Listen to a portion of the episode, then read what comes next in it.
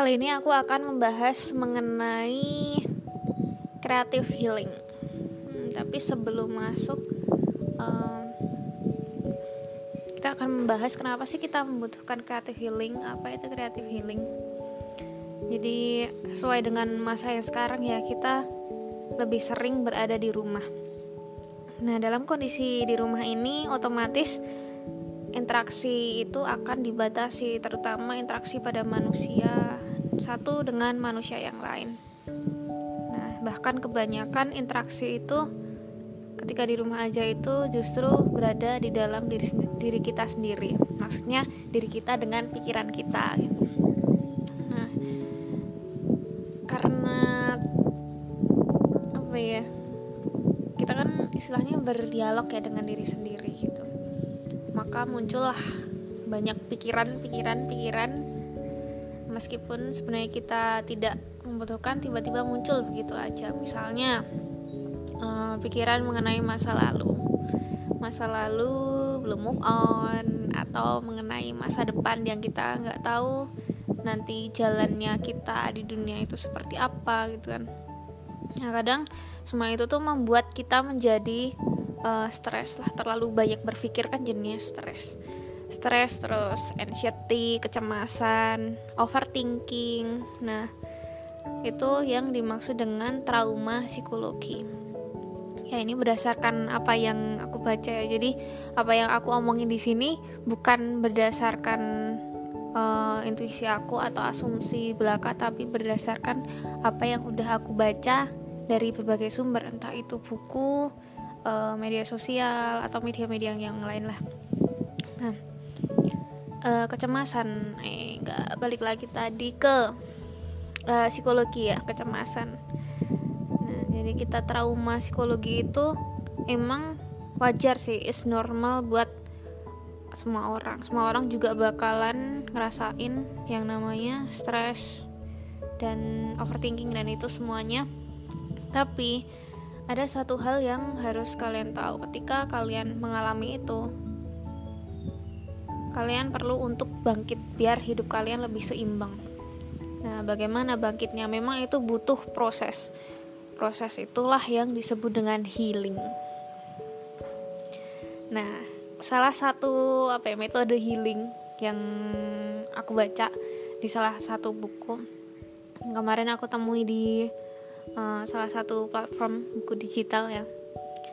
Jadi creative healing itu uh, kayak pemulihan jiwa. Jadi dari yang awalnya kita stres kita uh, jadi down gitu terus gimana caranya biar kita bisa kembali pulih bahagia dan berenergi biar lebih semangat menjalani hidup ini.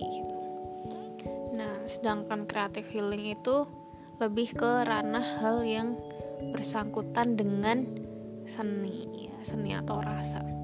Dan saya sendiri pun sebagai uh, penggiat seni atau penggiat bidang kreatif itu sangat berpengaruh sih. Saya saya pun udah bisa merasakan gimana pengaruhnya kreatif healing ketika berada di titik terendah ketika down. Nah apa aja sih sebenarnya kreatif healing itu? Jadi kreatif healing ini ada bermacam-macam ya jenis bentuk aksinya. Kalau uh, kalian memperhatikan beberapa waktu yang lalu, udah lama sih sebenarnya. Uh, kalau kalian jalan-jalan ke toko buku itu kan ada tren muncul-muncul tren buku mewarnai untuk orang dewasa. Awalnya pun aku berpikir ini ngapain ya? Kok apa orang dewasa itu apa kurang kerjaan kok harus mewarnai segala?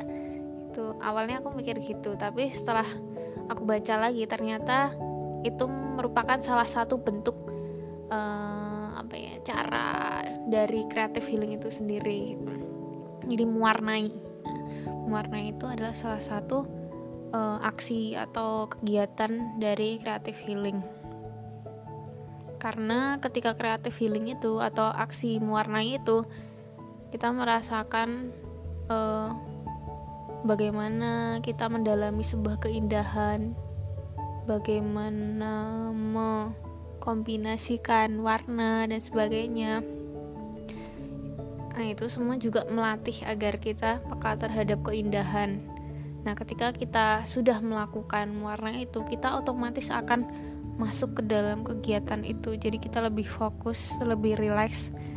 Jadi stresnya hilang seperti itu. Dan itu pun sering aku alami ketika membuat karya-karya yang biasanya dari diri sendiri gitu.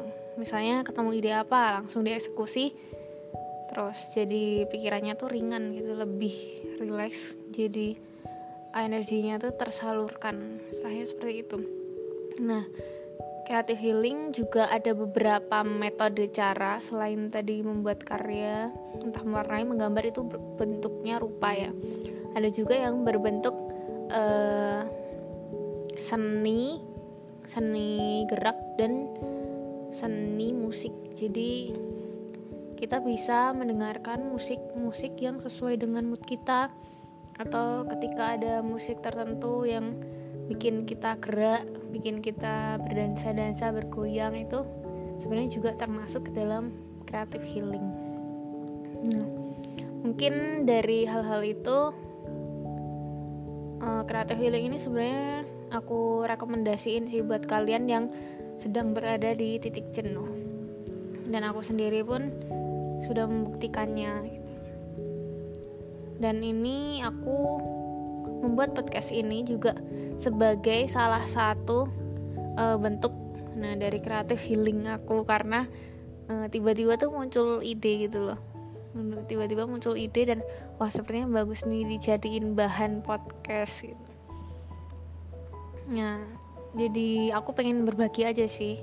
Toh apa ya uh, kita pun nggak punya apa-apa. Nyawa pun bukan punya kita kan milik Tuhan. Jadi kenapa nggak dibagi? Kalau bisa dibagi kenapa enggak gitu kan? Uh, mungkin itu aja untuk uh, intronya. Hmm, sebenarnya ada beberapa hal detail lagi mengenai creative healing tapi nanti akan dibahas di podcast selanjutnya. Oke terima kasih